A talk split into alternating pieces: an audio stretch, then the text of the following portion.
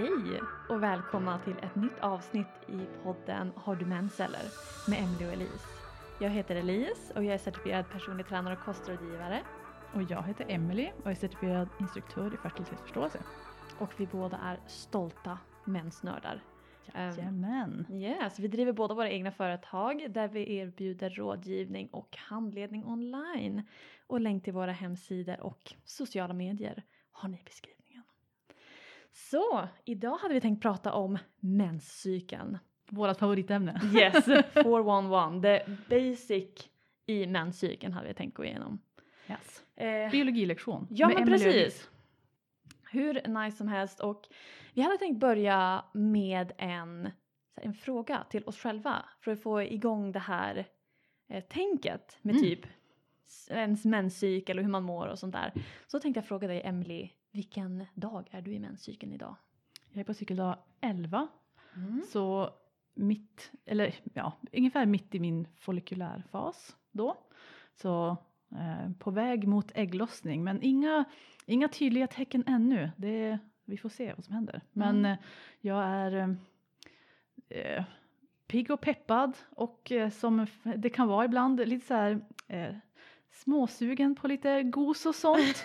eh, så har man distansförhållande, det är jättetråkigt men vad ska man göra? Vad ska man göra? Ja, själv då? Vilken, Nej, vad är jag, du på jag för var tvungen att kolla upp det här.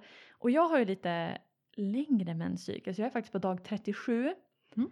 Ehm, min senaste cykel var 42 dagar, vilket faktiskt är min kortaste cykel sedan jag slutade p-piller. Mhm. Så det är, det känns nice. Och jag är på G till samma, så här, regelbunden, jag fick ägglossning samma dag förra cykeln. Mm. Så jag är taggad på att den börjar få mer regelbundenhet. Nice. Jätte, jätte nice. Och Mycket bra. jag är i lutealfasen. Jag är i mitten av lutealfasen. Eh, min temperatur har precis liksom pikat så den är väldigt stabil. Ska börja gå ner snart. Ehm, och jag mår bra faktiskt. Jag har oftast inga problem under liksom luteala fasen där andra, alltså man kan ha typ PMS och sånt där. Det enda jag har är att mina bröst gör så ont. Alltså de gör så, från, alltså jag behöver jag märker att min ägglossning är slut i det att mina bröst bara nu, bara, de gör ont Mm. direkt. Så nu är så här mitten av eh, lutealfasen då det känns. Ja. ja Men annars så känns det bra. Jag är pigg, jag är glad, jag är taggad. Vad roligt. Taggad på det här. Mm, oh ja, ja det här som jag kan prata om hela tiden. Åh, så roligt. Ja, det är verkligen kul att, att prata med, med någon annan som också tycker det här är jättespännande. Mm. Så att man slipper trakassera sina andra vänner och, och familj med, med mensnörderi som de mest rullar på ögonen för. Oh ja, oh ja, alltså jag har två kompisar som jag pratar om med det här, alltså hela tiden. Och de bara ja, ja, ja, vi vet, vi vet. Och jag bara, men visste ni inte det här? Och de bara snark. Bara, du sa det tidigare. Eller hur? Du har sagt det fem gånger nu, vi vet. ja, är det är fint. Men lyssnar man på den här podden så kanske man också tycker det är spännande i alla fall. Hoppas, Hoppas vi. det. Mm. Ja men då börjar vi. Menscykeln. Börjar man ju oftast då räkna från cykeldag ett menar man ju alltså mensens första dag helt enkelt. Mm. När man blöder. Och det är också, man kan ju ha lite olika blödningar. Men när vi menar mens så menar vi liksom en, en röd klar blödning också. Mm. Eh, spotting kan man ju, jag vet inte om det finns något svenskt ord för spotting. Mellanblödning är väl det jag brukar använda, men det är inte riktigt samma. precis. Det är som, eh, eftersom att spotting brukar man, kan man ju också få eh, liksom, om man räknar väldigt, väldigt lite mens innan och efter mensen. Mm. brukar man också kalla spotting. Så ja, jag vet inte. Vi säger väl spotting, Ja. även fast det är någon slags svengelska. Ja, precis. Men första dagen med liksom klarrött är dag ett på cykeln, mens. Mm. Så då har vi första fasen, mensen. Mm. Det är då, då allt börjar om. Precis. Då vi ska förnya, förnya allting.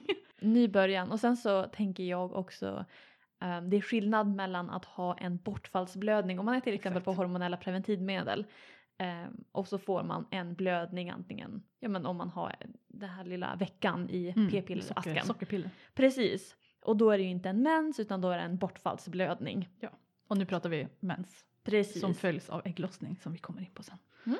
Ja, exakt. Och då har vi alltså livmoderslemhinnan som stöts ut för att det är för låga nivåer av progesteron. Ja. Och en, vad kan vi säga, en vanlig mens ska väl vara någonstans mellan, om jag kommer ihåg rätt, jag har inte siffrorna framför mig men det är något sånt där tre till sex dagar eller Mm. något åt det hållet. Mm. Det finns också eh, studier som försöker komma fram till hur normal mängd som är normal.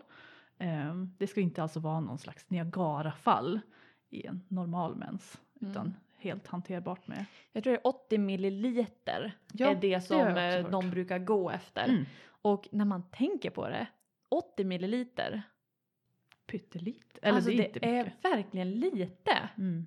Och det känns så mycket. Ja, jo det gör det ju faktiskt.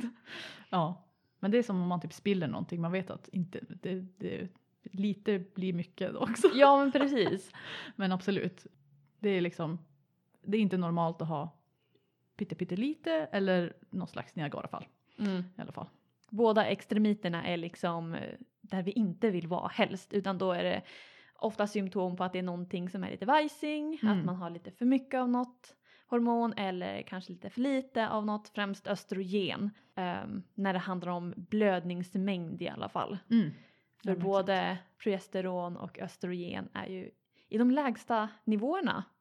Det är därför man kallar typ mensen som den första dagen för att alla nivåer går ner till typ baslinje, alltså det lägsta de är typ. Ja. ja, för det är ju, vi kan väl säga att ägglossningen är väl höjdpunkten på cykeln. Ja. Så man skulle ju lika gärna kunna tänka att man skulle räkna från, från den. Men eftersom att det också är ett gömt tecken så är det ju också enklare att räkna från mens. För det är, ju- Mm. Även fast man inte kartlägger sin cykel så äh, märker man ju när man har mens. Ja, precis. Exakt, så som du säger, vi har lägst hormonnivåer. Men vi börjar ju liksom under mensen och kommer ju in i follik- follikulärfasen då. Få mer östrogen så, Mm. så småningom. Men eh, under själva mensen så, vad ska vi säga om den? Hur brukar man, hur brukar man må då? Hur mår du då? Jag, alltså mina egna känslor under mensen är faktiskt väldigt bra. Eh, Jag brukar känna mig så jäkla, jag vet inte, som världens powerwoman Jaha, wow. när jag har mens. Ja, för att jag har inte jättemycket, eh, jag menar jag mår inte dåligt. Jag kan ha mensvärk ehm, beroende på hur min kost har sett ut tidigare liksom cykel och cyklar. Eh, men det är oftast det jag har. Annars så, ja men jag kan vara lite låg på energi men annars jag känner mig så jäkla cool typ. Wow. Man bara alltså jag blöder och jag kan göra typ vad fan jag vill. Som det här citatet. Så här, jag kan göra allt du kan fast blödande. Ja, alltså typ varje mens jag bara wow det är jag. Kul. och jag vet inte, det känns bra. Men jag vet också att många får det inte så roligt Om vi som ska jag snacka har. generella trender, ja precis. Ja, Mm. precis. Så det är väldigt många som får kraftig mensvärk, Mm. blöder jättemycket, um, får så här asmycket cravings, de blir arg på allt och alla. Mm. Ehm, och det är bara not a good time. Tänker de flesta känner nog igen sig i det här. Ja, Det är liksom, vars, vadå, har du mens eller som våran nu podd heter, kommer ju från den här grejen som, som killarna sa till en när man gick typ i, i skolan. Som ett så här slagord typ. Ja. Vi vill reclaima det här uttrycket. Har du mens eller är, ska inte vara något negativt. nej precis. Vi känner att ju, åh, jag, har, jag har hatat på min kille så mycket ibland. oj. Så här, vi, långt tidigare när jag just precis började med det här området så mm, kunde han fråga om jag var typ upprörd eller arg eller ni vet insert jag blev upprörd över någonting. Ja.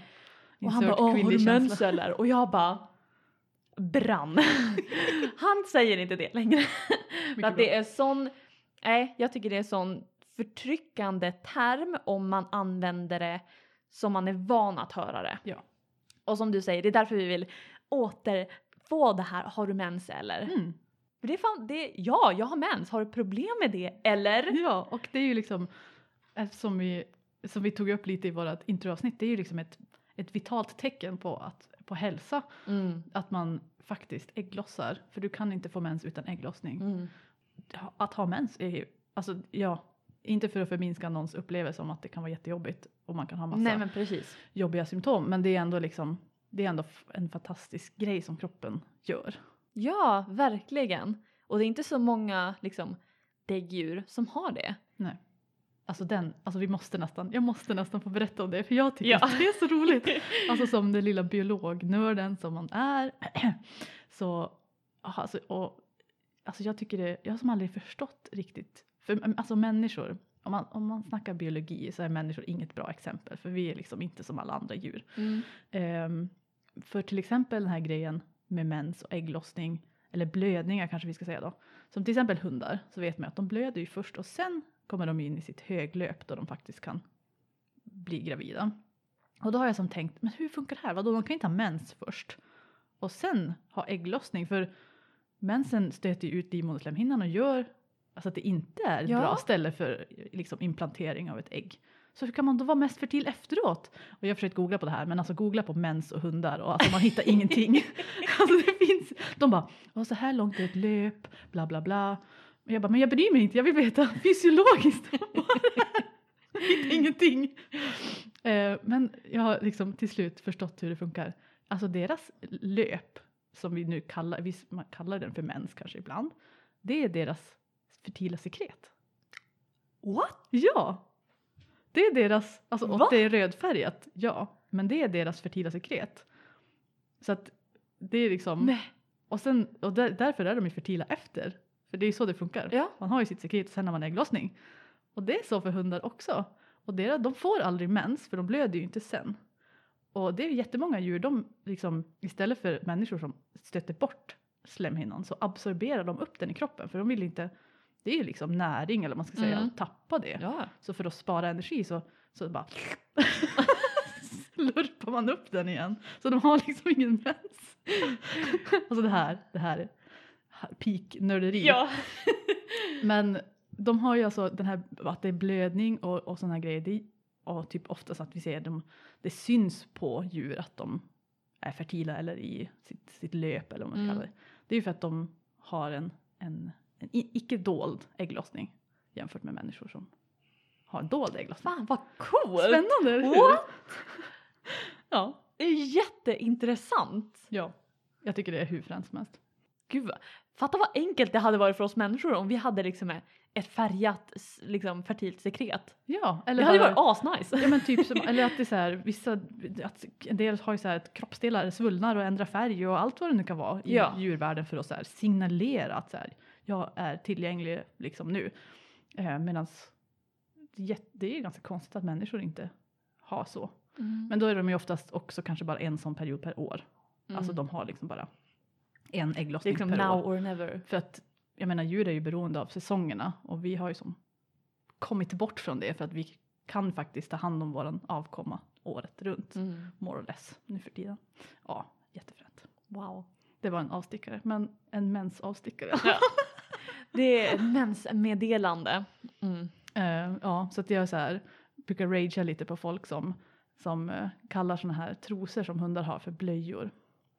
För jag är lite så här, de, de ska ju inte kissa i den. Nej. De ska ju liksom typ då eh, ha fertilt sekret i den. Och det är ett par trosor, Mm. ingen blöja. Sant. Mm. Där har ni dagens eh, information. Yes. Tikskydd är lika med trosa för hund, mycket Ja. viktigt. Ja, herregud. Mens Är vi på. vi, är vi fortfarande på. Yes. Jag, jag brukar absolut inte känna mig som någon slags powerwoman när jag har mens i alla fall. Eh, jag har eh, inte heller några direkt, jag kan få lite mensvärk ibland. Men absolut inget konstigt. Livmodern jobbar, jag, jag förstår det. Jag brukar Mm. liksom eh, ha lite vetevärmare, dricka lite te, så här, ta det lite lugnt och så. Men eh, jag brukar nog mer känna mig lite mer sådär inåtdragen på något sätt. Så Mm. kanske, jag är väl en ganska extrovert människa annars, tycker det är kul att eh, hänga med folk och göra grejer och så, men då är jag lite, lite mer inåtvänd typ. Mm. Mm. Jag har någon som kanske kämpat emot det förut, men försökt acceptera att det är okej att det är olika. Det är så skönt när man liksom börjar arbeta med sin cykel för under mensen eftersom vi har så pass låga eh, östrogennivåer och testosteronnivåer. För det många kan känna av förhoppningsvis vid ägglossning och senare i den liksom, fertila fasen är att man har väldigt mycket energi, väldigt social och det är på grund av att vi har högt östrogen och testosteron. Mm. Eh, men just under mensen så är ju de båda väldigt låga så man kan känna sig väldigt ja, men inåtdragen, eh, låg energi, orkar inte riktigt, vill bara vara för sig själv liksom. Mm. Um, och man, Eller bara få blir ligga i någons famn och Ja, inte jag säga märker något. definitivt det att jag blir så klängig under mens. Alltså jag bara, du rör dig inte ur fläcken och jag ska bara ligga här och krama dig. Bara ge mig typ kärlek. Det är jag. Men det är också typ om man ska, det jag brukar göra arbetsmässigt Mm. vid mensen. Tell me more. Ja, det är att jag typ tar ledigt. Alltså om man känner att man har energi, go ahead. Men annars är det jättenice att typ verkligen fokusera på okej, hur var förra cykeln? Både arbetsmässigt och liksom fysiskt och psykiskt. Man är väldigt, ehm, alltså det är en av mina role models, eh, Alisa Viti. Mm. Hon pratar mycket om arbete kring mensen. Och det hon pratar mycket om också är att hjärnhalvorna kommunicerar väldigt bra under mensen just för att Jaha. östrogenet är så lågt. Eh, källor på det vet jag tyvärr inte. Hittar vi några länkar vi då. Ja, exakt, precis. Men jag tycker det känns logiskt i det att man blir så inåtdragen känner jag mig om jag bara får liksom gå bort från det här okej jag måste arbeta, jag måste arbeta. Mm. Utan om man verkligen lyssnar på kroppen och bara nej jag vill inte, vad vill jag göra? Ja, jag vill gå in, jag vill typ ta hand om mig själv, jag vill tänka på mig själv och jag vet inte, fokuset blir ganska smalt kan jag tycka. Mm. Inte på ett dåligt sätt utan på liksom, det är Ja, nice. Men precis, och det är ju jättefantastiskt om man, om man har ett jobb där man faktiskt kan ha en möjlighet att justera kanske lite Mm. efter sådana här saker. Att man kan kanske jobba hemma eller ta ledigt eller sådana här grejer. Det beror ju såklart på vad man har för sorts jobb. En del har ju inte den möjligheten och måste kämpa på som vanligt ändå kanske. Mm. Men, eh, men det låter ju klokt Mm. om man kan. Men Då kan det vara nice också att, ja, men om man säger att man jobbar som sjuksköterska eller något, du vet Mm. det är samma samma, inte samma samma, men man kan inte riktigt ta ledigt om det är fortfarande ett ganska högtempojobb. Um, så kan man ju ha det i baktanken om man känner att man är tröttare än annars. Bara, men det är lugnt, jag Mm. har mens. Man vet Kroppen- varför. Ja Mm. precis, att man typ accepterar och säger att det är okej. Det är okej att jag är trött nu. Det är okej att jag inte är så jäkla på och hype och allt sånt där. Är the one i fikarummet som berättar Ja men precis, precis. Alltså jag under mens, jag blir så jävla pinsam. Jag kan typ inte prata med folk. Alltså ärligt talat, jag har försökt. Men under mensen, jag, jag typ, jag kan inte kommunicera med folk. Jag bara, jag har bara slutat försöka nu. På vilket sätt då? Jag tycker det bara är svårt liksom. Jag tycker det är svårt att få den här, du vet, konversationen att flöda. Så, här, så fort jag kommer förbi mensen, och som sagt jag har ganska långa cyklar, eh, så typ mens plus en vecka kanske, Mm. eller plus, ja men fem, sex dagar.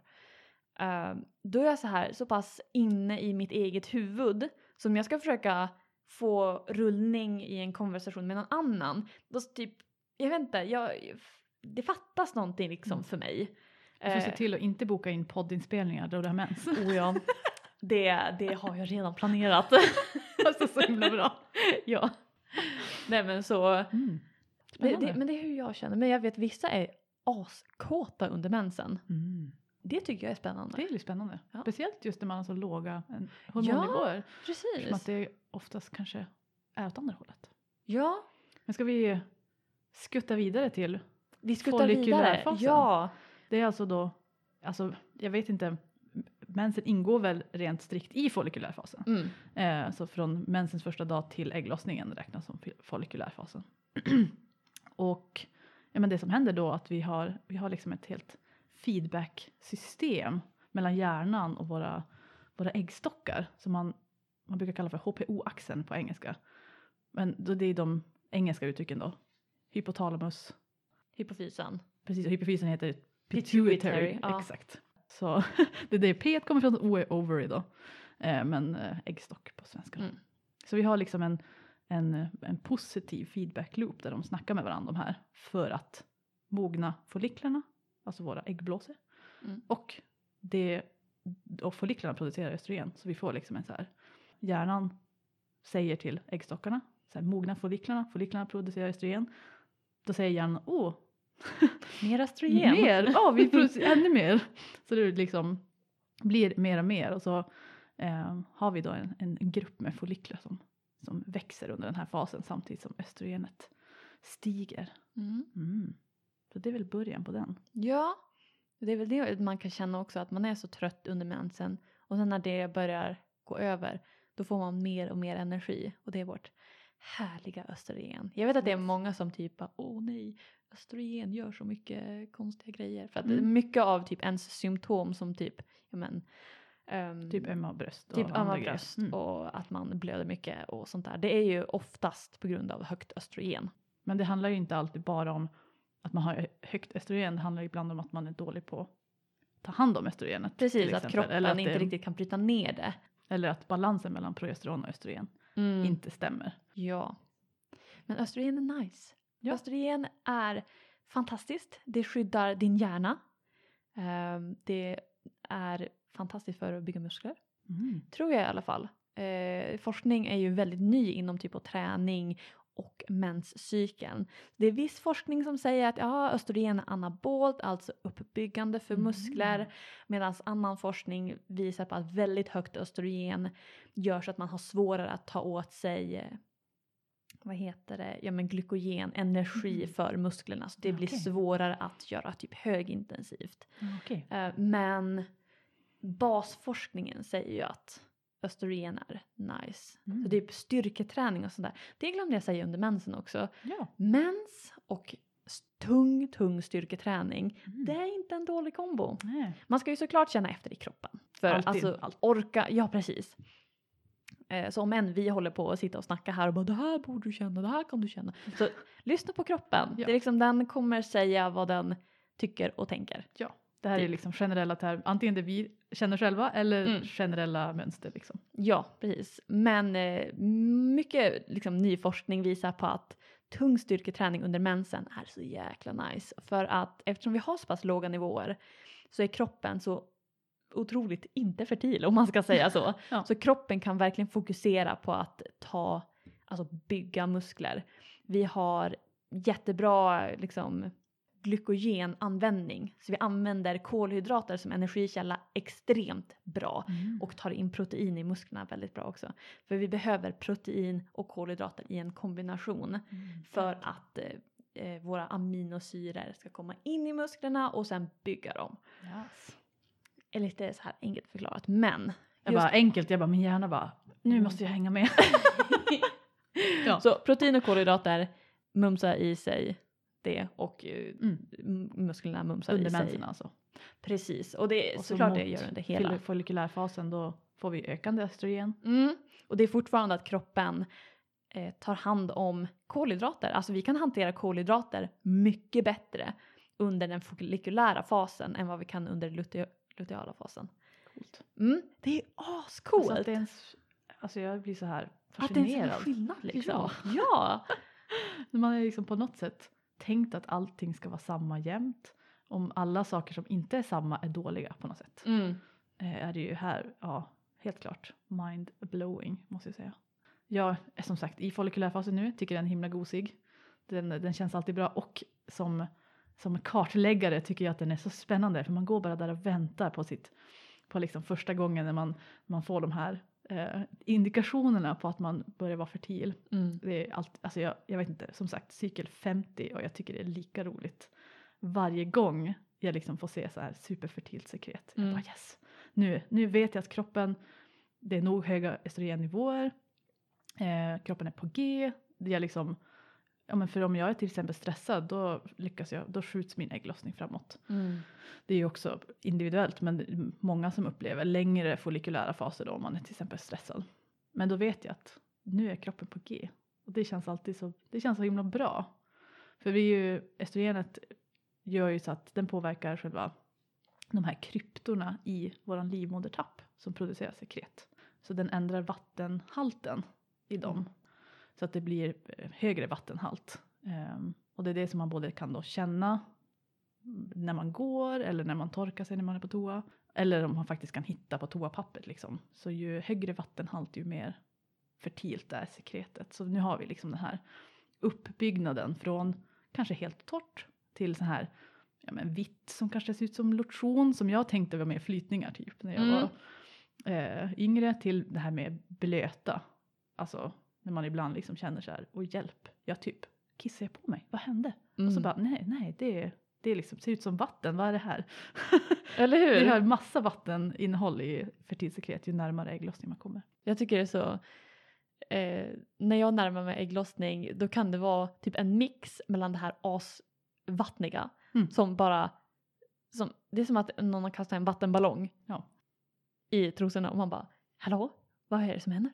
Men och sen så också det här riktigt äggvite Mm. sekret, här, en mix av de två.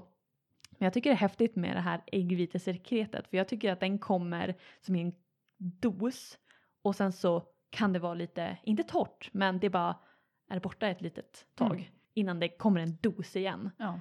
Jo men det är ju sådär, det är ju inget som man kanske känner hela dagen utan det kan ju vara sådär man, bara, man hittar det bara en gång per dag. Mm. Så det är ju sådana här grejer med att eh, man måste liksom, ha det i baktanken.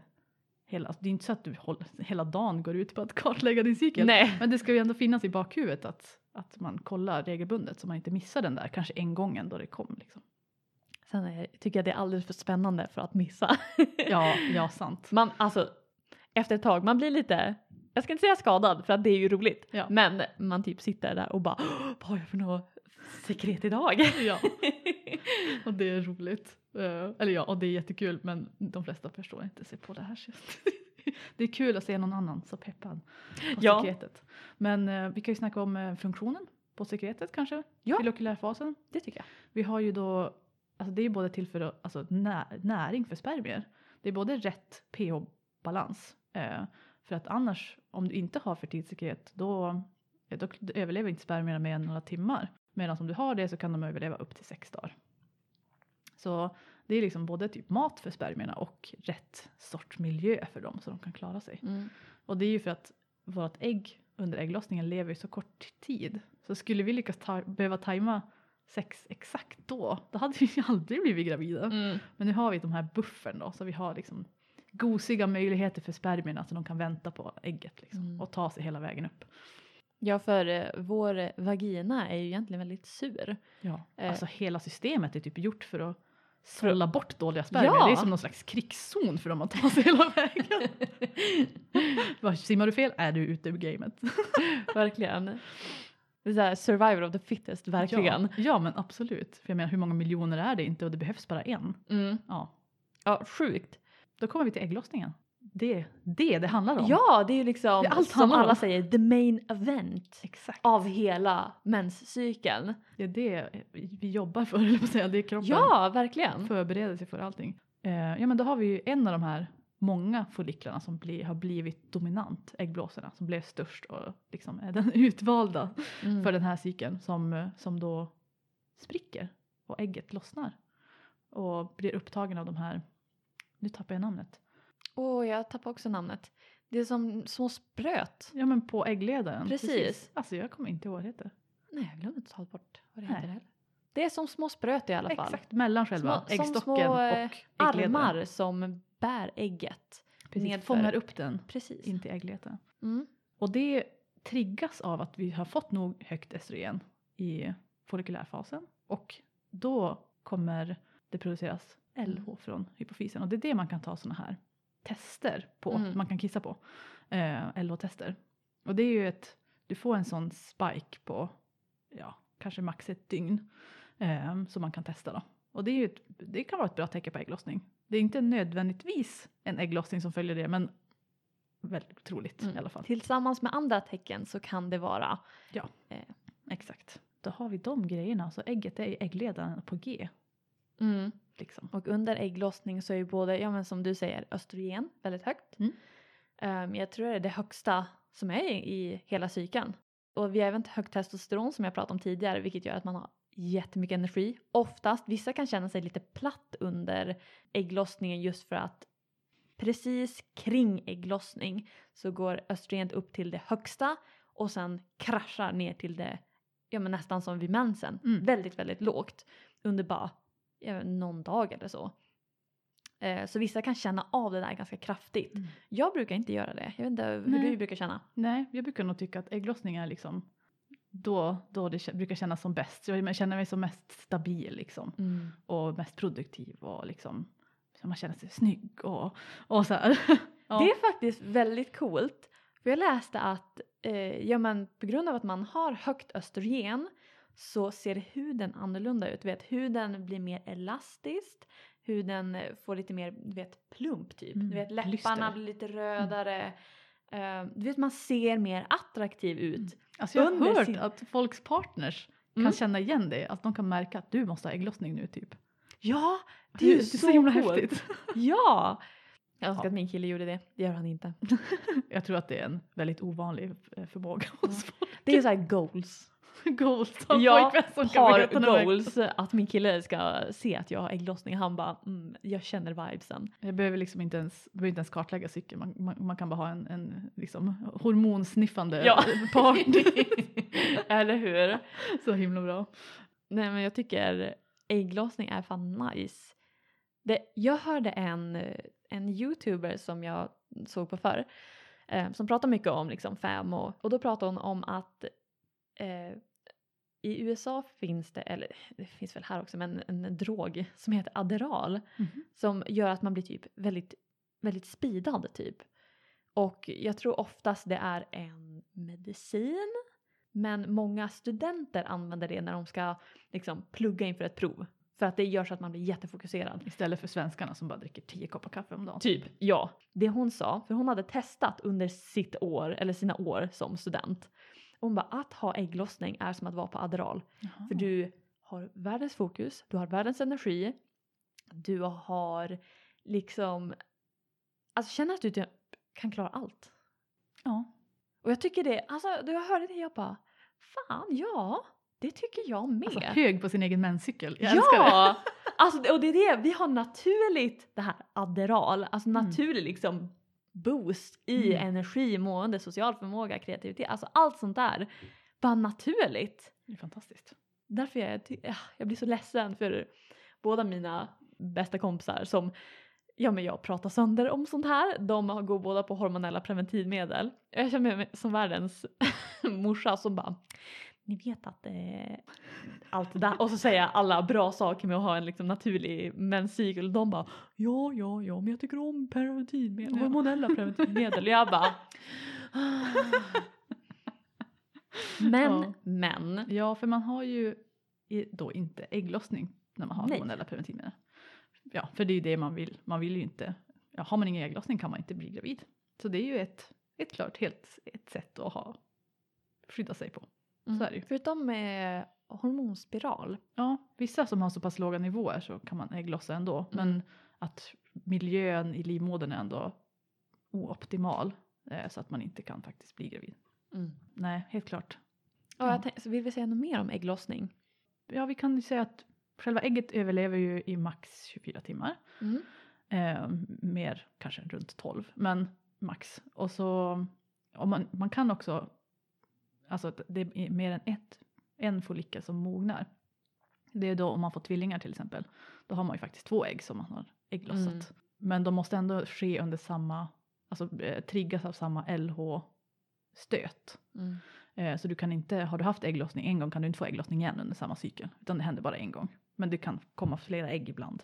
Den här äggblåsan som är kvar i äggstocken, som ägget har stuckit iväg från, den blir ju en, omvandlas till en gul kropp kallar man det för. Ja. Corpus luti, luteum. ja, jag brukar luteum. säga äggskalet till Ja, ägget. Just det, ja men det är ju bra. Ja, för då liksom, jag vet inte, då blir det bara ah, så det är typ gulan, du vet, det fertila, Ja. som eh, släpps lös. Ja, just det. Men själva äggskalet är kvar och blir, och det är så jäkla coolt för det blir från en typ blåsa, den här äggblåsan, Mm. till typ en jättestor endokrin körtel, alltså en Ja. hormonell De intern producerar körtel. hormon ja. ja. Mm. Ja, de producerar ju östrogen innan också. Men ja, exakt. Det är liksom en, en tillfällig körtel. Det är så coolt. Och den är gul på riktigt också. Mm. Ja. Jag tänker, alltså ägget, eh, eller äggen, börjar ju mogna med ett hormon som heter FSH. Ja, Som heter Follicular Stimulating Hormone. exakt. Som också, precis som LH, produceras av hypofysen. Precis, det är det vi pratade om tidigare, det här HPO-axeln. Exakt. Att hypofys, eller först hypotalamus signerar till hypofysen som har kontakt med eh, äggstockarna. Mm. Så FSH är mer i follikulärfasen då. Mm, precis. Den, den säger ju till äggstockarna att mogna äggen liksom. Yes. Så vi har ju haft, vi har ju som haft peak av allting nu. Mm. Och sen så får vi som ett skifte då. Som östrogenet som du sa sjunker jättemycket. Progesteronet går upp för nu har vi en helt plötsligt en ny en körtel som producerar det. Ja. Och då är vi inne i lutealfasen. Typ en, en av mina favoritfaser, varför jag pratar om den så jäkla mycket. På ett den, sätt. är, den är ju viktig. Den är väldigt viktig. Det är så många som tyvärr har symptom under Mm. den luteala fasen. Du vet, klassiska veckan innan mens så Mm. typ vill man hata och skrika åt allt och alla. Typ. Och jättemånga som får humörsvängningar, Mm. um, känner sig deprimerade och jättemycket sånt där. Och det beror oftast på en obalans mellan progesteron och östrogen för att eh, ja men vi får ju progesteron från gulkroppshormonen och om ägget kanske inte har haft jättemycket Ja men ägget kräver ganska mycket näring liksom. Näring och inte så mycket stress, det ska känna sig säkert. Mm. Så om vi har en, liksom ett skal och en, ett ägg som inte har optimala näringsvärden eller vad man ska Mm. säga. Ja men optimala förhållanden. Mm. Ja. Ja precis, optimala förhållanden. Så blir det svårt för det här corpus luteum att producera tillräckligt med progesteron. ja. Och då får vi en obalans för då har vi haft östrogen innan och sen har vi kanske för lågt progesteron sen Mm. då till exempel. Så vi kanske, och vi kommer med östrogen också, det gick ju ner Mm. vid ägglossning. Och så börjar det gå upp och det går till ungefär hälften av det som var vid Mm. peak liksom vid ägglossning. Precis. Då har vi också att progesteron gör också att vårt sekret förändras igen. Så vi ser en ganska kraftig eh, liksom upptorkning eller vad man ska säga. Man brukar säga dry up på engelska. Mm. Man går från det där väldigt vattniga liksom flödande sekretet till, till ganska torr ganska fort eller åtminstone en mi- mindre eh, vattnigt sekret. Då. Och det är ju för att den här, det är liksom det bildas liksom en plugg typ i livmodertappen som ska stoppa, för vi vill ju inte ha in grejer där i onödan. Det är liksom, vi vill skydda den miljön. Vi vill liksom bara ha in spermier då möjligtvis när vi är fertila. Men sen så vill vi liksom stänga igen det. Så då får vi sekret som, som inte spermierna kan simma igenom liksom. Mm. Och sen annars progesteron, vi har ju haft östrogen som har liksom växt till livmoderslemhinnan under follikulärfasen och nu har vi progesteron som liksom gosar till den ännu mer, liksom ökar blodflöde och gör liksom allting ska bli så bra som möjligt för att ett eh, befruktat ägg ska kunna fästa där. Så den, det händer ju liksom under lutealfasen. Mm. Progesteron är nice. Mm. Ehm, har man liksom tillräckliga med progesteronnivåer så är det ett fantastiskt hormon för att det ökar, typ, jag vet inte om det ökar just nivåerna av ett hormon som heter GABA eller om det förbättrar receptorerna som tar emot GABA. Okej. Men GABA är ett eh, hormon som lugnar, alltså lugnar både nervsystem och hjärna så man kan känna sig väldigt liksom tillfreds. Man, ja, men man känner sig bara lite mer, eh, du vet man glider fram lite grann. Mm. Mys. Ja, och jag brukar känna att om män, alltså jag har ju, man har ju högt östrogen också under lutealfasen. Och den kombinationen mellan progesteron och östrogen tycker jag är ganska nice för för mig så blir det att jag typ, jag tar ingen skit riktigt. Mm. jag känner mig så pass lugn och säker i mig själv med det här progesteron. Så att jag, jag känner inte att jag, alltså jag, jag vet inte, jag försöker inte vara alla till lags liksom. Jag. Vilket jag kan känna lite under ägglossningen för att jag tycker om att Mm. göra det. Jag Man är förstår. så mycket mer social. Mm. Men jag har ändå östrogenet bakom mig som ger mig energi. Och så jag vet inte, just kombinationen för mig är väldigt nice. Mm. Härligt. det låter bra. Hur känner du under lutealfasen? Jag vet inte om jag, det, det är som någon slags gradvis övergång. Ehm, och jag, jag brukar inte, jag har liksom inga direkta problem under, jag har vissa cykler som jag har eh, typ ömma bröst och andra lite spotting eller sånt där grejer. Men, men i regel så, så jag brukar ha precis sådär typ två dagar innan mens som jag är lite sådär, jag brukar säga att jag är en pöl. Ja. Eh, alltså man är lite såhär, man är mycket extra känslig och mycket lättare till gråt och, och liksom så här. Eh, ja, ja, men mer känslosam typ. Mm. Och det, det är ganska fint tycker jag också att man är närmare sina känslor och det kan vara ganska skönt att få, Mm. få bara känna mycket typ. Det är inget som jag tycker är liksom negativt i regel eller någonting utan bara det är annorlunda då och då försöker jag. Det är skönt att vara medveten om det så att man om man reagerar väldigt kraftigt på någonting så vet man varför och kan liksom Mm. man kan man kanske inte behöver ta några drastiska beslut baserat på det eller någonting utan man kan vänta några dagar och så landa lite i det men, men typ. Just att om man är ja, men en till två dagar in med så att både progesteron, ja men det kan vi ju eh, komma med nu. Fun fact. ja, men eh, progesteron, det här, är- det här äggskalet, det producerar ju progesteron i ungefär 10 till 16 dagar. Ehm, under 10 då har man lite för lite progesteron och äggskalet liksom orkar inte riktigt. Och har man längre, vi ska komma till det sen, men har man längre så eh, betyder det oftast graviditet. Men ungefär 10 till 16 dagar är en liksom normal lutealfaslängd. Ja. Men efter det, eh, kring dag, ja men vi säger jag hade dag eh, 13 förra gången. Mm.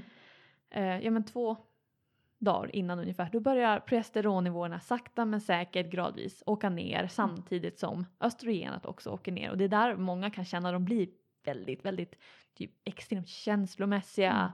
Eh, om de har en liksom för lite progesteron i förhållande till östrogen så känns det väldigt mycket.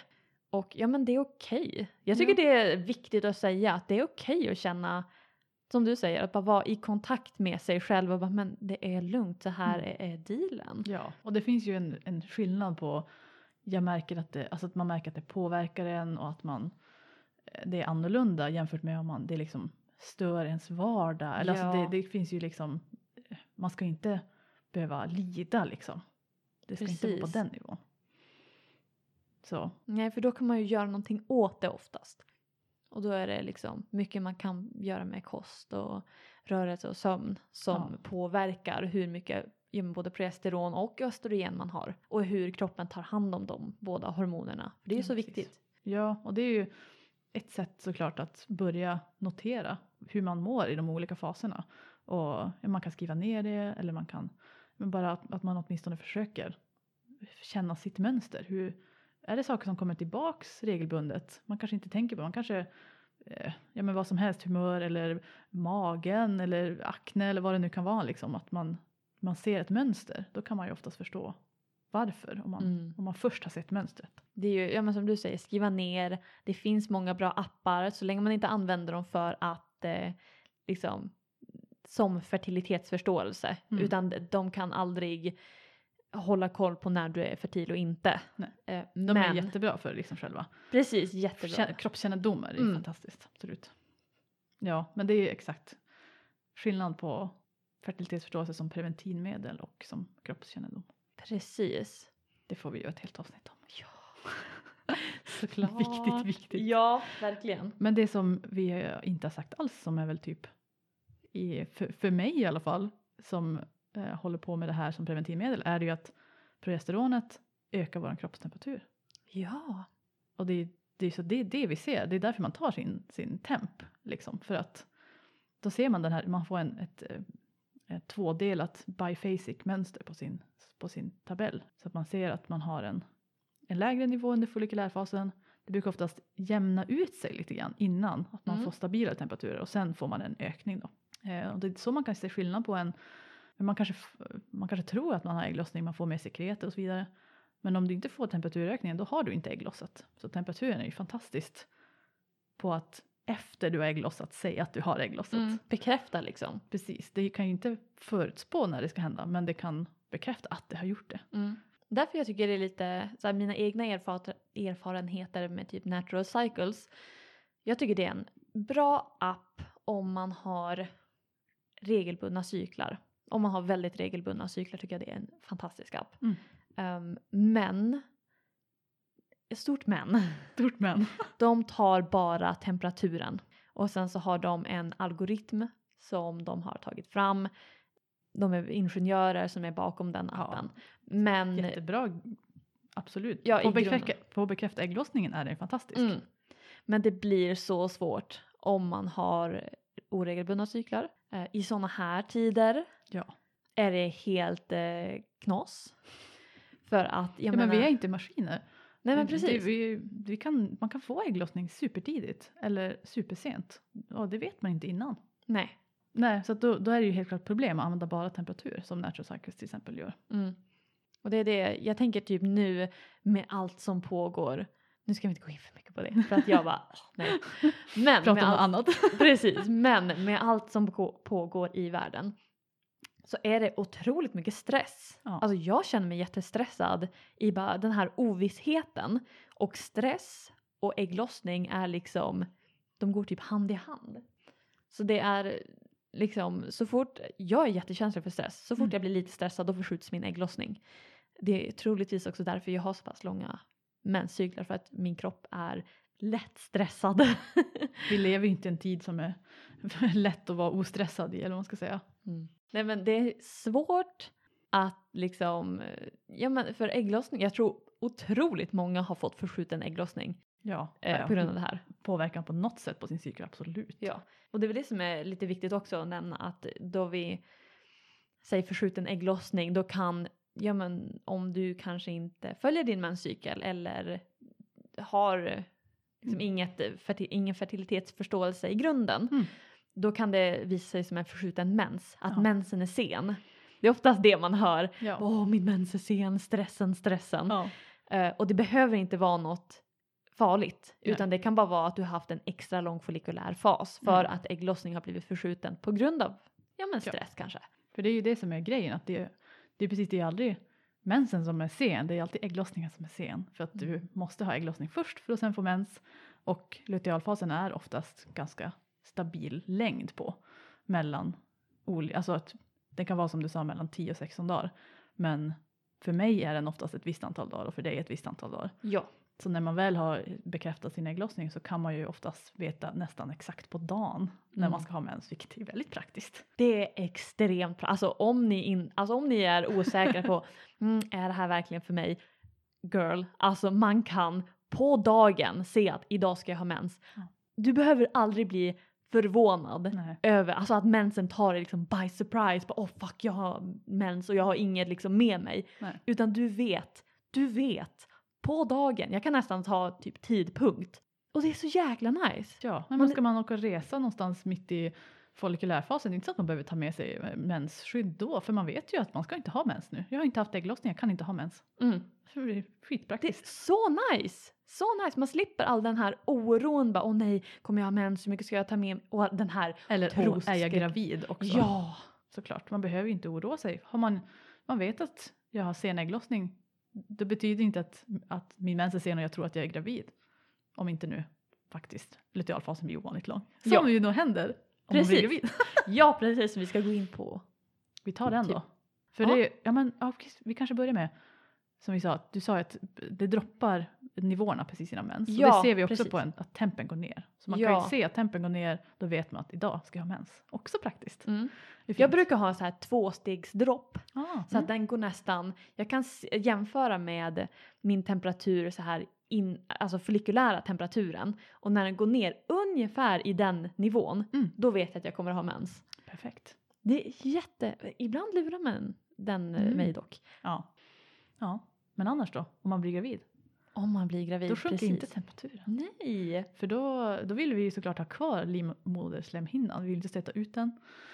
Och då fortsätter gulkroppen producera progesteron tills livmodern, livmoderkakan tar över. Mm. Men eh, så det kan man ju se på att även fast du kanske vissa kan ju få en blödning ändå. Men om din temperatur inte sjunker. Då kan du vara ganska säker på att det kan vara något sånt. Ja, Man behöver liksom vänta ganska många dagar så att man, eh, om man ska bekräfta att man är gravid med Ja men precis, är det inte dag 18 Ja, ungefär? det. Men det kan ju gå längre tid också. Ja. Jag har fått för mig att, eh, eller det jag har lärt mig är att man kan se en extra höjning på temperaturen. Mm. Att det går som en liten du, du, du, och så en Som att det blir extra. tre, tre nivåer. Ja. Det är, det är lite Är det så här en- debatter, det, kan- Vissa Mm. säger att det är en myt. Jaha. Eh, men vissa ser ju det mönstret. Så det, det verkar vara så att det måste inte bli så. Men det kan bli så. Mm. Så jag skulle inte säga att man, man skulle kunna använda det för att bekräfta att man är gravid eller någonting. Men man, eh, ser man det så är det lite skoj i alla fall. Kan jag Ja, tänka. det är intressant. Det är lite roligt. Mm. För man, ja men eh, metabolism och andra grejer ändras ju när man, Ja, det har med jag glömt hormoner och när man blir gravid. Liksom. Mm. Ja, nu har vi pratat hur länge som helst. Eh, vi måste nästan wrap it up. Så, Men det var ju som en eh, grundlig biologilektion. Får jag Exakt. säga en sista sak ja, om sure. lutealfasen som Mm. jag tycker är fett cool? Det Den är att, ja men oftast kan man ju känna att man blir typ sugen på mer saker. Man blir mer sugen på typ allt. Mm. Alltså sött oftast. Ehm, och det är dels för att vi har lite sämre insulinkänslighet um, under luteala fasen vilket gör att vi kan inte hantera snabba kolhydrater lika bra. Mm.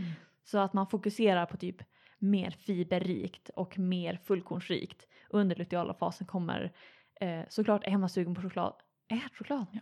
Men det är också väldigt, väldigt bra för eh, att man inte blir så här helt galet bara jag måste ha godis nu.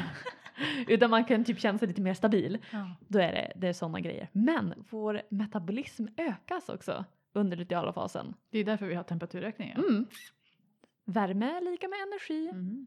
Så det är, ja, men jag tycker det är så jäkla nice och jag hatar att se folk som klankar ner på sig själva under, när de, alltså när de känner bara ah jag äter så mycket så här veckan innan mens. Man bara ja, det är klart du gör för att eh, jag tror enligt forskning så kan man äta upp mot 500 kilokalorier per dag extra. Mm. Det är liksom en hel måltid oftast. För liksom, eftersom att kroppstemperaturen är ju en, ett mått på ens basala metabolism. Liksom, Mm. att den är högre och då bränner man mer i vilostadiet eller vad man ska säga. Ja, precis. Och det är det. Vi kommer väl inte prata så mycket om kilokalorier och allt sånt där för att jag är inte så... Men vi ska göra hela avsnitt om, om eh, mens och kost och, och träning och sånt där också. Så det här är Precis, så det är liksom en del som man kan vara medveten om att du kan äta upp mot en hel måltid, alltså en rejäl måltid per dag extra i en till två veckor innan mens. Och Det är inte konstigt. Det är rimligt Nej, att man Precis, känner det så. är rimligt och aldrig att man ska behöva känna att åh nej, jag måste dra ner på kalorier innan mens. Hovaligen, nej, nej, nej, nej, nej. Alltså, det som är- ni hör, vi har content för många avsnitt. Oh ja. Men vi är också intresserade av era, er input. Vad vill ni Ja. höra för någonting och så vidare. Men jag tänkte vi skulle sluta avsluta, wrap it up lite grann med, vi tänkte vi skulle använda den här tiden lite för att också tänka på vad vi är tacksamma för. Ja, Så jag tänkte vi kunde, avsluta på en positiv note liksom. precis, inte bara rants. Nej. Eh, men så jag tänkte vi kan säga, vi kan säga varannan sak. Okej. Eh, så kommer vi till tre, tänker jag. Mm. Du kan få börja. Jag är tacksam för regn faktiskt. För att Det jag regnar är, idag. Ja, det regnar idag för jag är pollenallergiker. Så mycket. Eh, du är det med? Ja. Så när det regnar då blir jag typ en ny människa. Jag bara oh my god jag kan andas. Mysigt. Fint. och det luktar så gott och det är så, åh, det jag älskar det. Det är så mysigt. Jag ska, då ska jag vara tacksam för, för, för våren nu och Mm. solen. Jag känner jag behövt den. Att det är ljust så sent på kvällarna. Jag tycker att det, det, gör, det gör mycket. Det känns bra Mm. efter vintern. Det var en tung vinter. Ja. Sen min andra sak jag tror jag är tacksam för är diskmaskin. För att jag och min kille har, inte precis, men vi flyttade in i vår nya lägenhet för ett tag sedan. Större lägenhet eh, från en två till en trea. Eh, så jag har eget kontor nu. Men då finns det också diskmaskin. Och vi har levt utan diskmaskin i typ fem år. Det är en bra uppfinning. Alltså aldrig mer utan diskmaskin. aldrig mer. Kul! Ja, ja, det är bra. Jag håller med. Jag har också diskmaskin. Ehm, jag är tacksam för att jag har ett jobb som går att göra på distans. Det är jag jättetacksam för. Mm. Det är, är lyxigt och praktiskt just nu helt klart men också ja, det, gör, det hjälper till mycket i, i livet känner jag. Att kunna vara så anpassningsbar. Mm. Min tredje och sista sak som jag är tacksam för är nog, alltså ärligt talat, nu ska vi vara så här, ah, möjligheten att kunna göra det här. Att få spela in en podd och prata om det jag pratar om 24-7 i alla fall. Men alltså det jag verkligen brinner för att få arbeta med det, det är jag extremt tacksam för. Åh, fint. Tack. Då ska jag ta min sista. Då är jag tacksam för rökt tofu. Alltså det är så gott. Alltså den som kom på det. Alltså halleluja. vi hade grillpremiär igår, jag och min Mm. syster. Och då grillade vi bland annat rökt tofu. Och alltså, ja, har du aldrig provat det? Nej. Tycker du att tofu är läskigt? Eh, Ja, det är okej. det är ganska konstigt. Jag lovar det är okej. Men rökt tofu, där, där händer. Jag måste nästan testa. Jag har, jag har bara testat marinerad tofu. Mm, den är, det är okej, men rökt. Rökt. Mm. Ja, men då vill vi tacka för alla som har lyssnat Ja. och eh, säga att vi kan hitta mer information på våra hemsidor och sociala medier. Jag heter Cykelklok överallt. Mm. Och jag heter hälsonöjd. Mm. Eller hälsonöjd men ta bort alla ä och Prickar. å. Ja precis, ta bort alla prickar. Jajamän, för vi, exakt, vi håller på med, med handledning, fertil- fertilitetsförståelse och rådgivning om kost och träning. Ni får också gärna skicka in frågor och kommentarer till våran, våran podd-mail mensnordarna eller nördarna snabel gmail.com. Oh ja. Ja. Eh, för vi skulle gärna vilja veta om något av det vi berättar idag är något nytt för dig. Om det var något som du bara, åh det där, det visste jag inte. Så skicka det till oss så får vi, får vi berätta om det i kommande avsnitt. Och kanske om ni har några frågor om det vi sagt. Om ni Absolut. tycker att vi missat någonting. Missar vi något, vill ni veta mer? Vad vill ni höra i de här avsnitten? Vi har som sagt en lång radda på idéer och massor som vi eh, vill ta upp men alla förslag är alltid kul. Ja. Ja, med det så tackar vi väl för oss. Ja. Då syns vi. Hej då. Hej då!